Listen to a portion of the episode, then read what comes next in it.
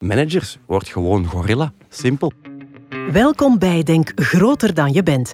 Een driedelige podcast van Vivaldi's die op een andere manier naar ondernemen kijkt. Met advies uit de natuur, sport en muziekwereld.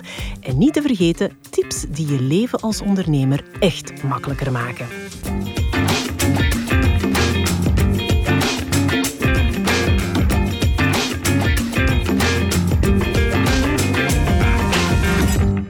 Voor bedrijfsleiders is het vaak een jungle daarbuiten. Maar wat als je de kans zou hebben om te tanken uit een onuitputtelijke bron van kennis? Kan niet. Toch wel. De natuur, ze bestaat al 3,9 miljard jaar. In die tijd heeft ze zich voortdurend moeten heruitvinden en leren aanpassen. Over oud en wijs gesproken. We zien ze echt niet vliegen bij Vivaldi's. We hebben het in onze eerste aflevering over hoe de natuur je als ondernemer beter kan leren communiceren en waarom je als leider best je innerlijke marmot loslaat. Dat en meer kom je vandaag te weten. Ik ben Valerie Thijs en bij mij zit een natuurmens die graag in bomen kruipt, af en toe pintjes stapt en een hart heeft voor ondernemen. Tijd voor een babbel met Bartel van Riet. Dag Valerie. Welkom Bartel. In deze podcast gaan we het dus hebben over welke lessen je als ondernemer uit de natuur kan trekken. Hoe verschillen wij mensen van dieren en planten? En hoe kunnen wij met de hulp van moeder natuur het beter doen op de werkvloer? De antwoorden op deze vragen kom je hier te weten.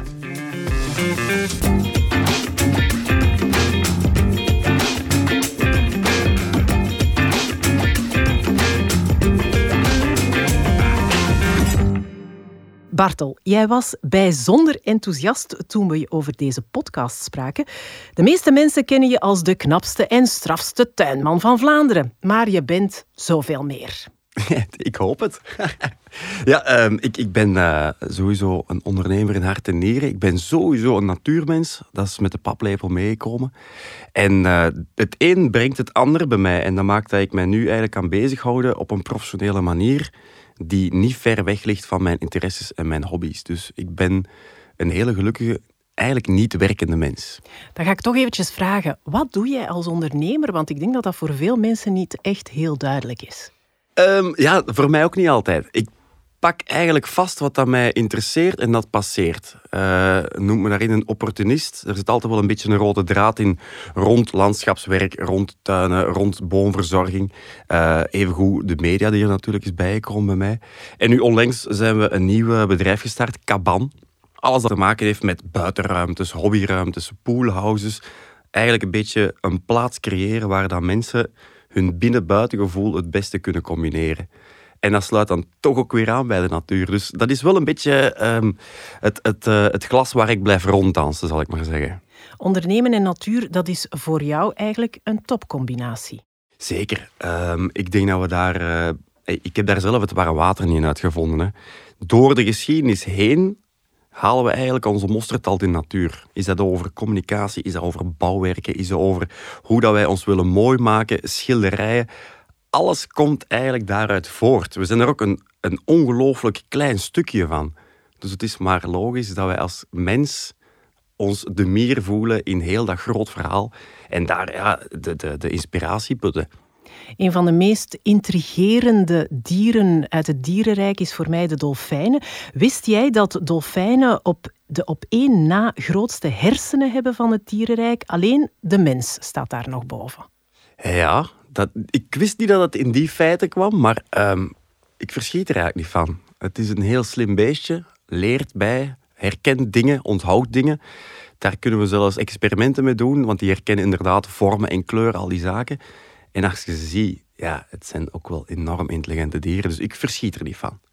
Hebben mensen en dieren eigenlijk dezelfde doelen? Uh, ja, dat is het, het algemene. Hè. Um, een organisme heeft eigenlijk een aantal basisbehoeftes of een basisdoel. En dat is in het eerste geval natuurlijk overleven. Dat is eten zoeken, dat is zorgen dat je geen honger hebt en dat je energie hebt om de andere taken verder te kunnen doen. En een ander groot doel daarvan is natuurlijk je voortplanten. We willen allemaal dat we voort blijven bestaan. Dat is een echt archetype in ons uh, DNA, in onze genen dat we niet kunnen negeren. En al wat dat we ook maar doen en laten, heeft daar ergens wel iets mee te maken. hoe dat we communiceren, hoe dat we ons opstellen, hoe dat we ons camoufleren, hoe dat we ergens bewegen in een bepaald uh, fauna, flora, biotoopje. Dat heeft allemaal invloed op elkaar. En dat is toch aangestuurd door die, door die twee basisdingen dat heel belangrijk blijven. Ja, en groeien, want bedrijven willen groeien, ondernemers willen groeien, mensen willen. Tegenwoordig is dat heel erg in om te groeien als mens.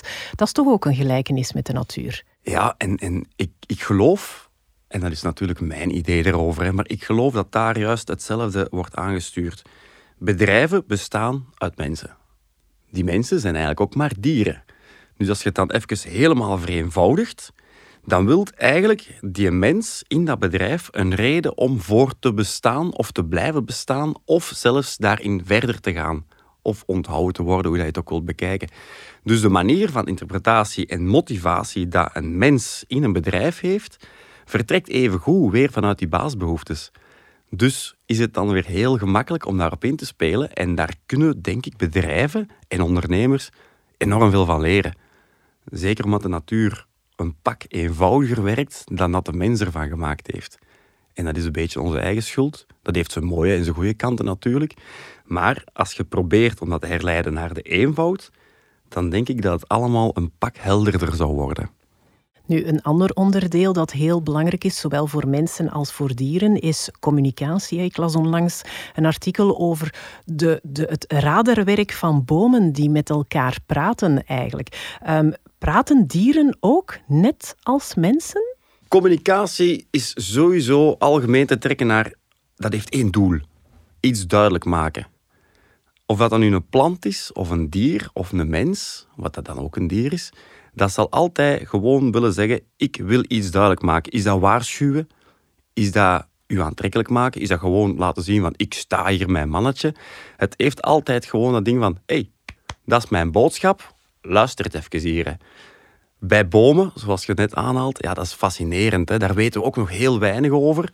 Maar dat is inderdaad een soort van pheromoon dat wordt vrijgelaten door een boom die wordt geattaqueerd door een insect of een schimmel. Dat waait dan verder en bomen die verder staan, die kunnen inderdaad dan zeggen van oké, stop, ik ga hier mijn suikers uit de bladeren halen. Ik ga mijzelf onaantrekkelijker maken voor die schimmel of die invasieve insectensoort. Dat is toch waanzin, hoe, hoe, hoe fantastisch. Dat is een beetje het avatar-verhaal, maar dan in het echt. Dus dat klopt wel ergens. Het is niet zomaar een sprookje.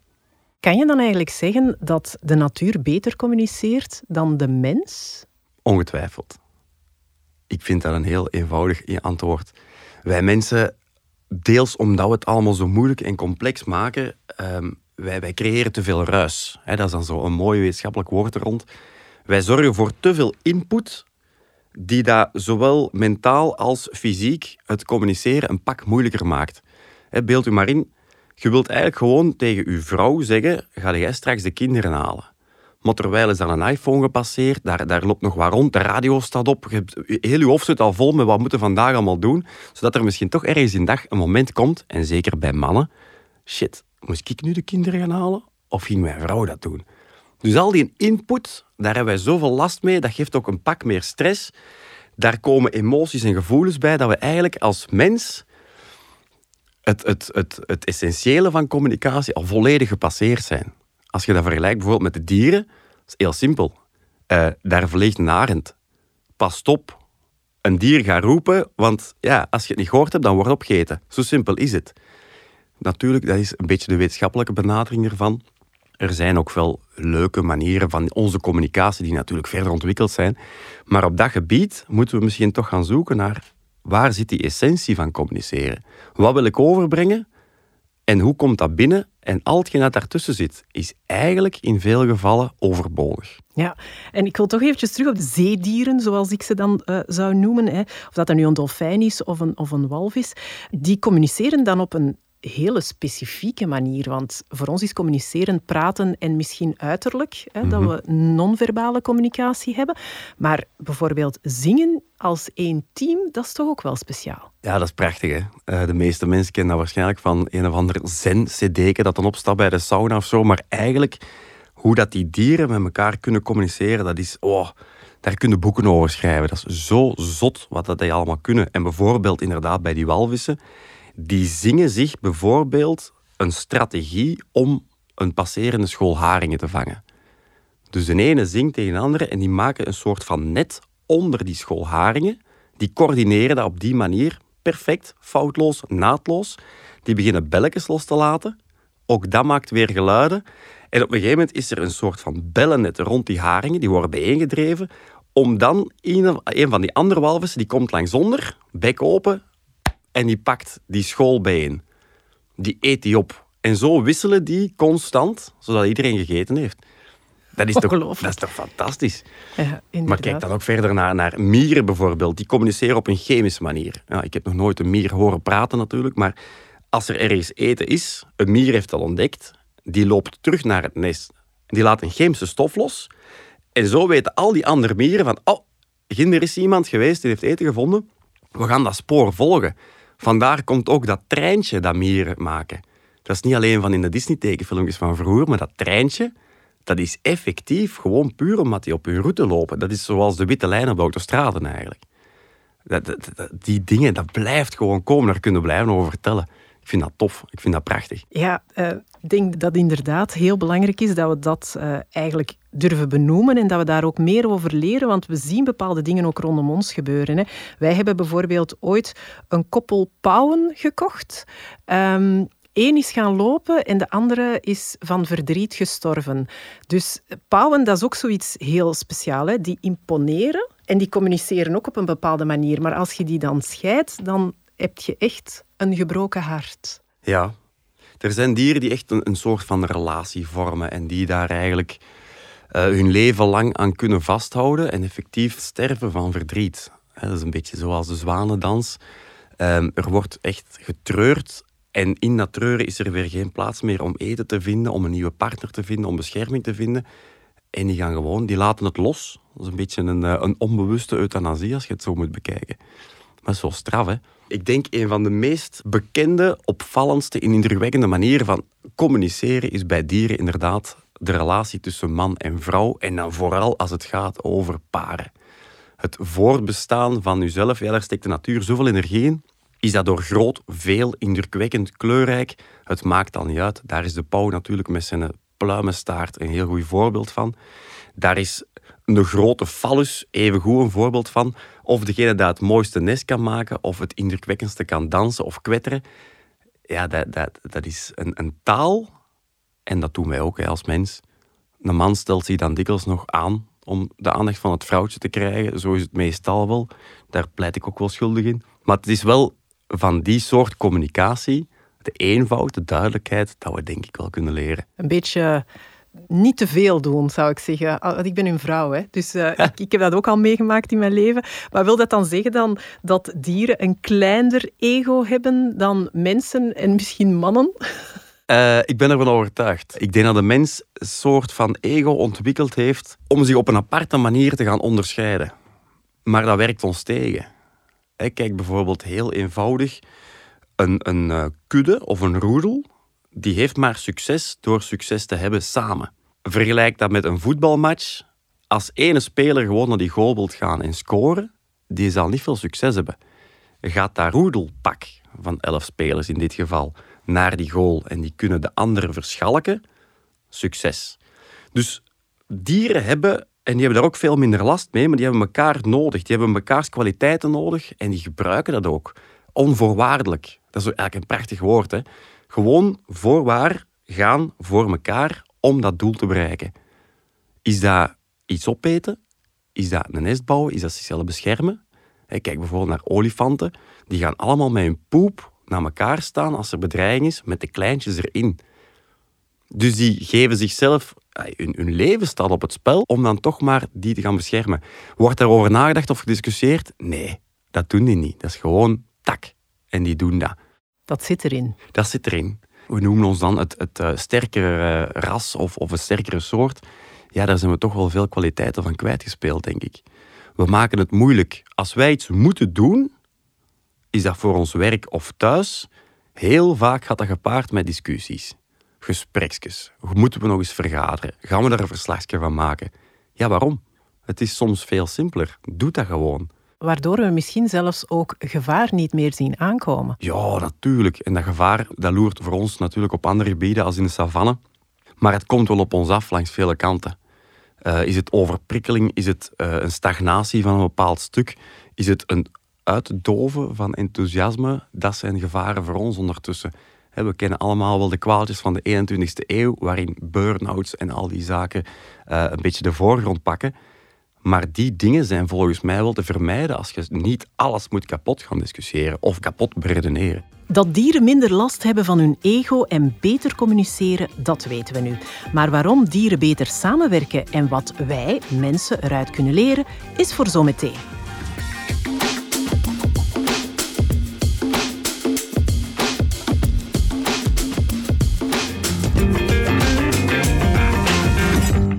Alright Bartel, dus leren samenwerken als dieren, dat is een goed idee, maar welke dieren werken nu het best samen?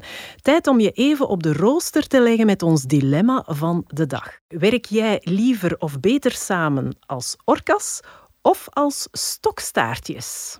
Goh, uh, goeie vraag eigenlijk. Als ik spontaan mag kiezen en de jongen in mij laat bovenkomen, dan zeg ik orkas. Alleen maar omdat dat indrukwekkender is natuurlijk. Uh, maar het is ook de manier, wat is het doel van het samenwerken? Is het overleven? Is het eten? Is het uh, gewoon ergens zijn? Ik denk dat dat een, eh, een, een, belangrijke nuance is. Maar in het algemeen, als je bekijkt die orka's, die halen hun doel samen door iedereen zijn rol te laten uitvoeren. En dat is dan bijvoorbeeld een pinguïn of een haai of weet ik veel dat ze gaan opeten. Dat is ook trouwens fantastisch. En een orka kan over heel de wereld een andere jachtmethode gebruiken dat alleen die groep orka's kent. En die geven dat dan ook weer door aan elkaar. Dat is toch, allee, dat is waanzin, vind ik.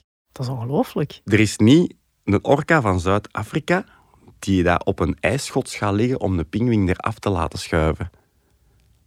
Maar die orka van de Noordpool, die gaat niet zeggen, ik ga op een walvis liggen om die te verdrinken, zodat ik die daarna kan opeten. Dus die jachttechnieken, die worden ook doorgegeven als team. Dus dat is al een zotte manier eigenlijk van samenwerking.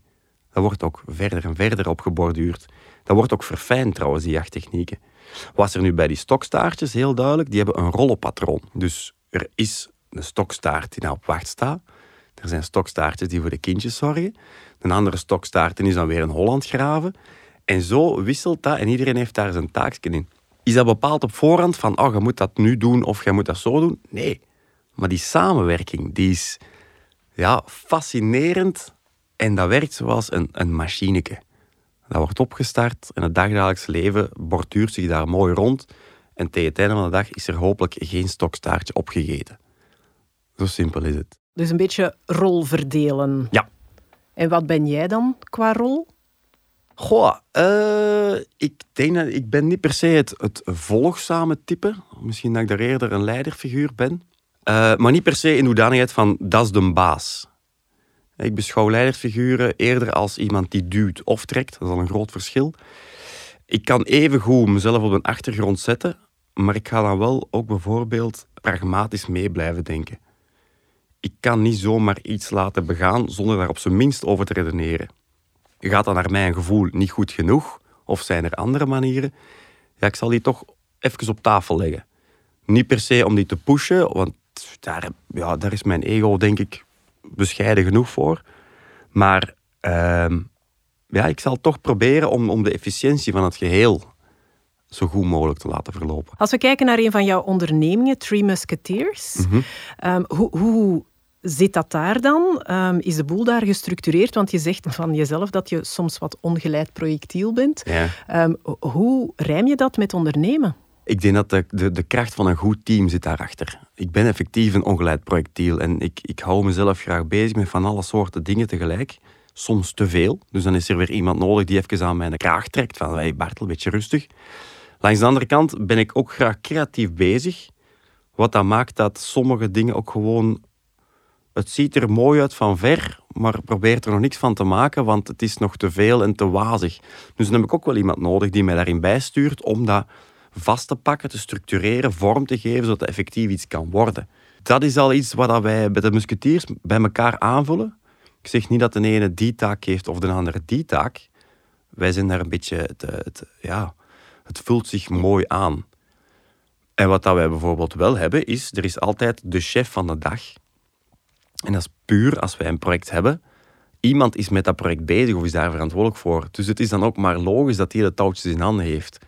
Dat wordt dan ook aangekondigd morgens op het werk of op de werf, maakt al niet uit.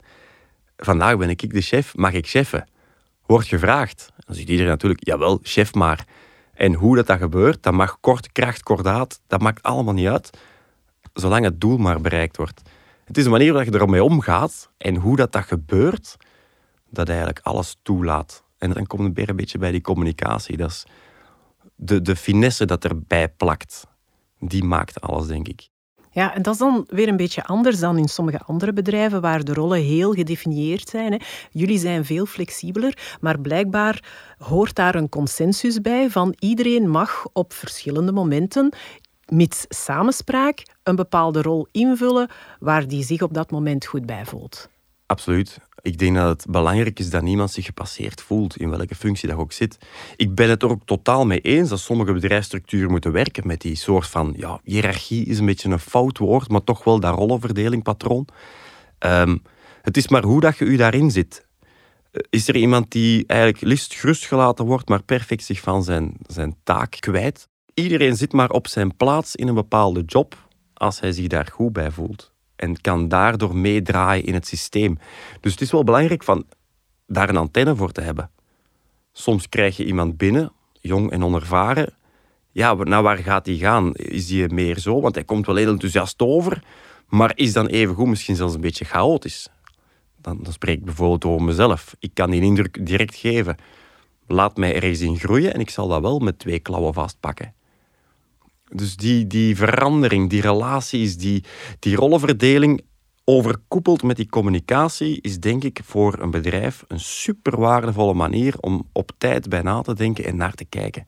Bartel, wat kunnen we nog leren uit samenwerkingen tussen dieren en planten? Ik denk enorm veel. Uh, er zijn heel veel patronen in de natuur die eigenlijk zo logisch en, en kloppend aanvoelen dat het maar, maar gek zou zijn moesten we daar een nieuwe manier van, van leren kennen. Uh, ik haal het al aan, maar bijvoorbeeld hoe dat uh, roedels of scholen of, of kuddes beginnen samenwerken om zichzelf te beschermen of, of uh, iets door te geven, dat is al een heel mooie manier van. En daar heeft iedereen zijn, zijn functie in.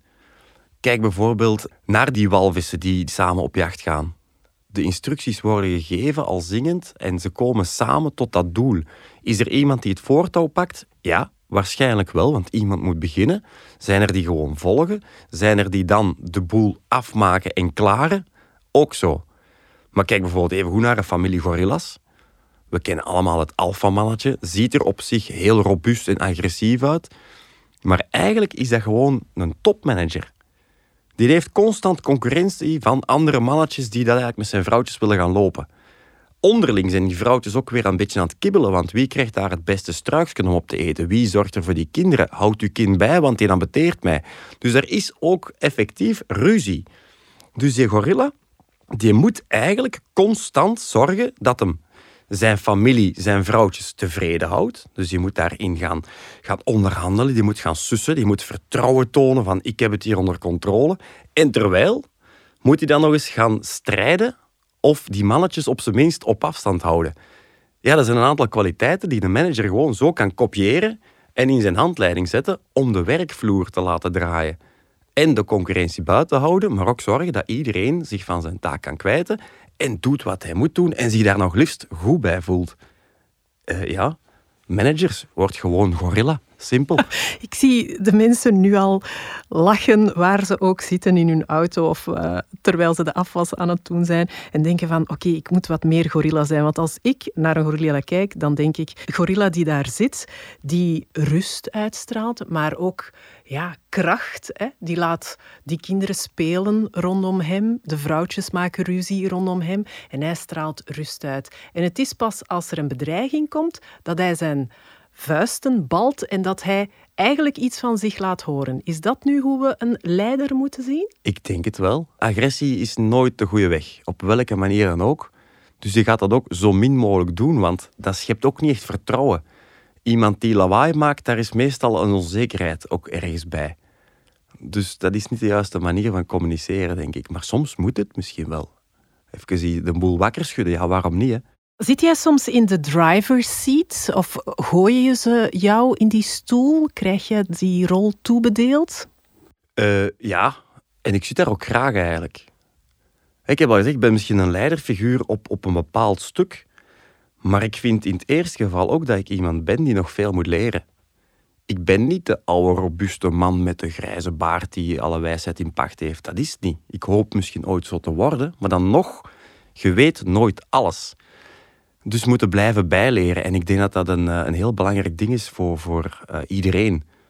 Het is niet omdat je van school komt dat je het allemaal weet. Doe dat maar zachtjes aan. Durf leren.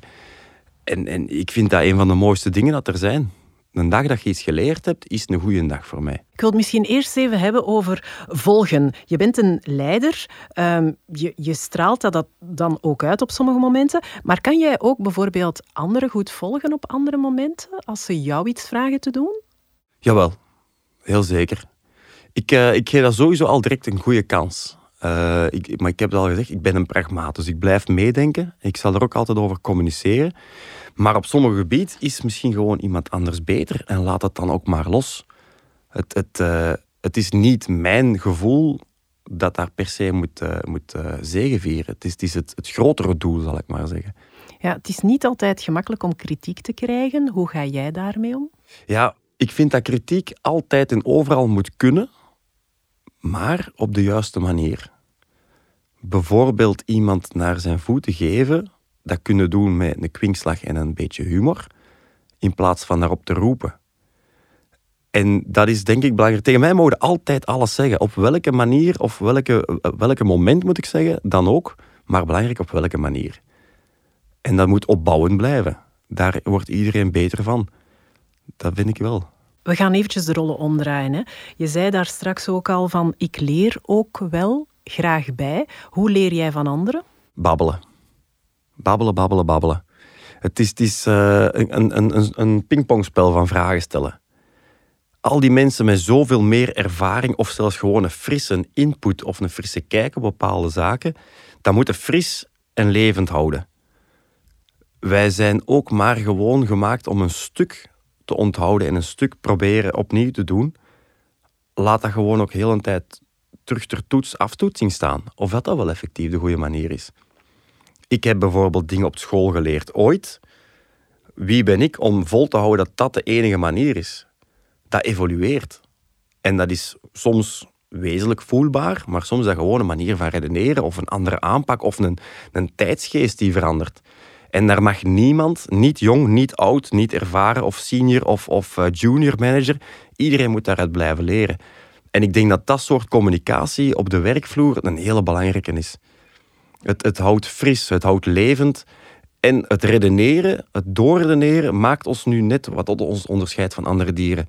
Wij kunnen verder nadenken. Wij kunnen verschillende touwtjes bij elkaar aanknopen door wat dat we kunnen linken aan elkaar. Maar dan moeten we wel uitspreken. En dat is misschien zelfs wel iets dat we, we aan het verliezen zijn. Ik denk dat sommige mensen iets te gemakkelijk in, die, in dat gevoel zitten van ik weet het of ik kan het, want ik heb het al zo vaak gedaan. Uh, of je hebt, mensen die van school komen of van een opleiding komen en die hebben dat geleerd. Bam, zo zal het zijn. Ja, nee. Begint nog maar even terug van onderaan die ladder. Begint nog maar even mee met anderen te groeien in een proces, in een, in een, in een leerervaring, in, in een bedrijfsstructuur. Dat is juist hoe dat gaat. Dat is het, het beetje het, het ambachtelijke van, van een job dat we wat vergeten zijn. Het is niet omdat je een titel hebt door je opleiding, dat je ineens weet hoe dat een boel draait. Ja, ik denk dat heel duidelijk is dat wanneer men nu van studies afstudeert, dat dan eigenlijk pas begint. Je hebt heel veel kennis opgebouwd, maar eigenlijk de praktijk en de realiteit zullen soms al die kennis wel eens een keer in vraag stellen. Sowieso. Ik denk dat de praktijk eigenlijk... Uh, goh, ik beschouw dat als belangrijker. Ik ben bijvoorbeeld van oorsprong uh, regent lichamelijke opvoeding. Maar nu heb ik een bedrijf in landschaparchitectuur, boomverzorging, een ander bedrijf in houtstructuren bouwen. En daartussen meandert er nog van alles. Ik heb het ook maar geleerd door met mensen te praten. Ik heb daar op een gegeven moment ook misschien in het eilen gestapt. En ik, ben me daar, ik heb me daar ingegooid. Maar alleen maar omdat ik weet dat er mensen zijn die mij kunnen verder helpen door bij te leren en door te praten. En zeker als je in een nieuwe job komt, durf praten over die onzekerheid. Want het ergste dat een bedrijf kan overkomen, is dat je eigenlijk een cultuur creëert waarop vragen niet gesteld mogen worden. En mijn grootvader zei altijd, een domme vraag bestaat niet. Geef dan ook een goed antwoord.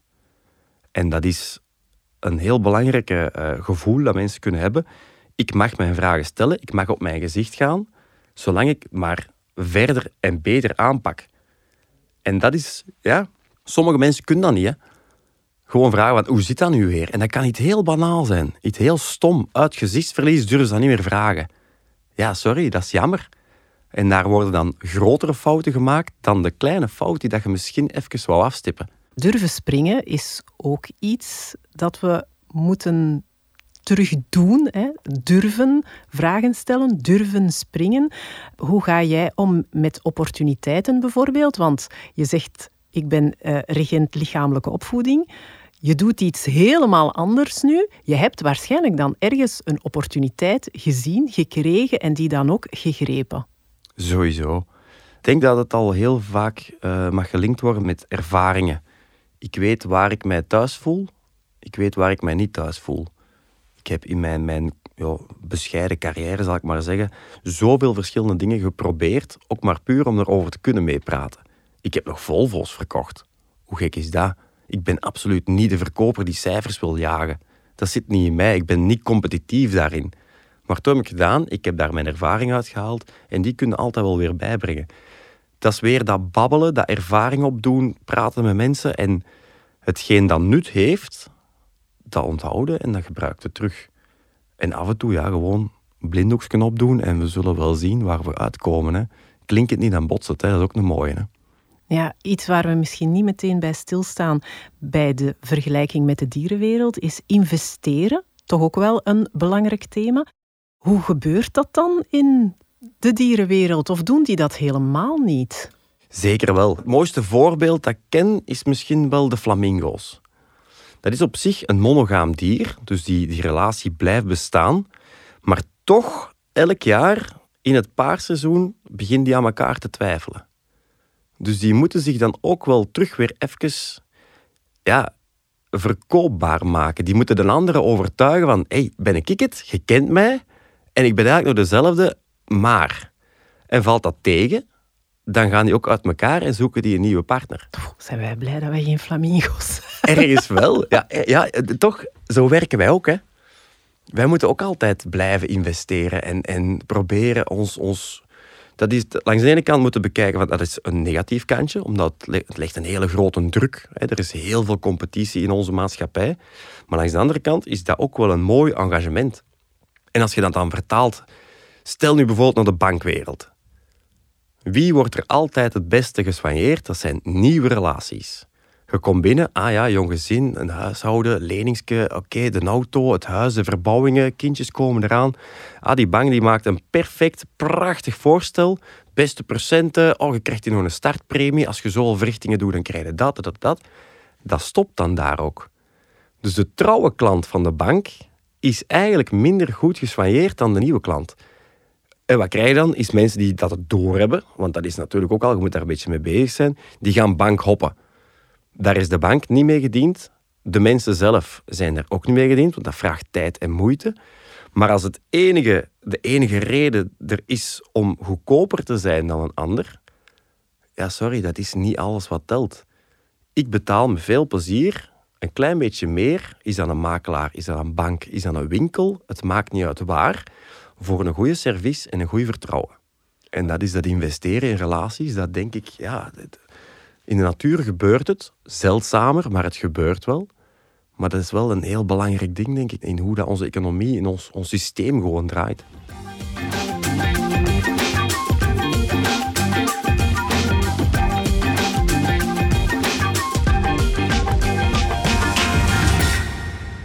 Bartel, en dan om af te sluiten de vraag van 1 miljoen. Welke gouden tip schudt Bartel van Riet vandaag voor ons uit zijn mouw? Kortom, wat is volgens jou de belangrijkste les dat een ondernemer uit het dierenrijk kan leren?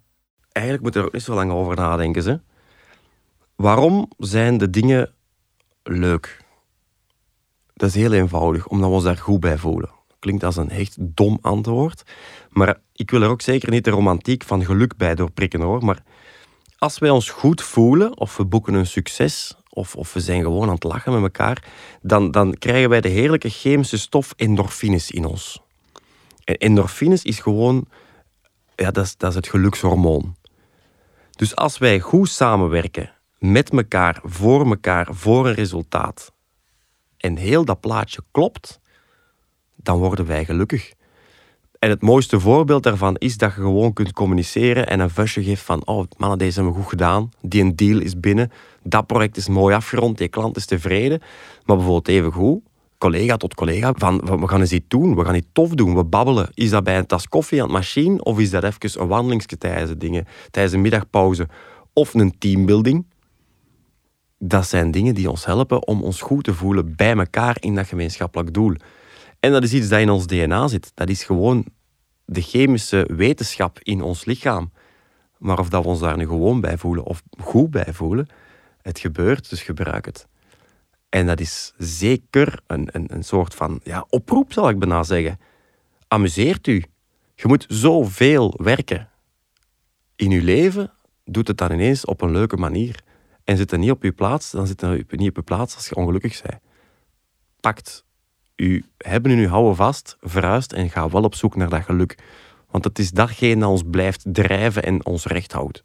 Ja, ik heb het gevoel dat jij niet werkt, maar dat jij vooral heel veel geniet van alles wat je kan en mag doen. Ik, ik, uh, ik mag zelfs bijna zeggen dat ik in mijn leven nog geen dag gewerkt heb. Ik ben altijd bezig, ik ben een harde werker. Maar het gevoel van een werkdag, zelden of nooit. En dat is een goeie, vind ik. Ik probeer dat vast te houden tot ik met pensioen ga, maar wanneer het dat mag zijn, dat weet ik ook nog niet. Ja, dat is eh, een discussie voor een andere keer. Wat ik vandaag alvast geleerd heb, is dat je op de werkvloer soms je ego opzij moet zetten. Je af en toe best gedraagt als een stokstaartje en dat je je best je biologie gebruikt om jezelf en je bedrijf te versterken. Bartel, alvast bedankt voor de beestig handige tips. Heel graag gedaan.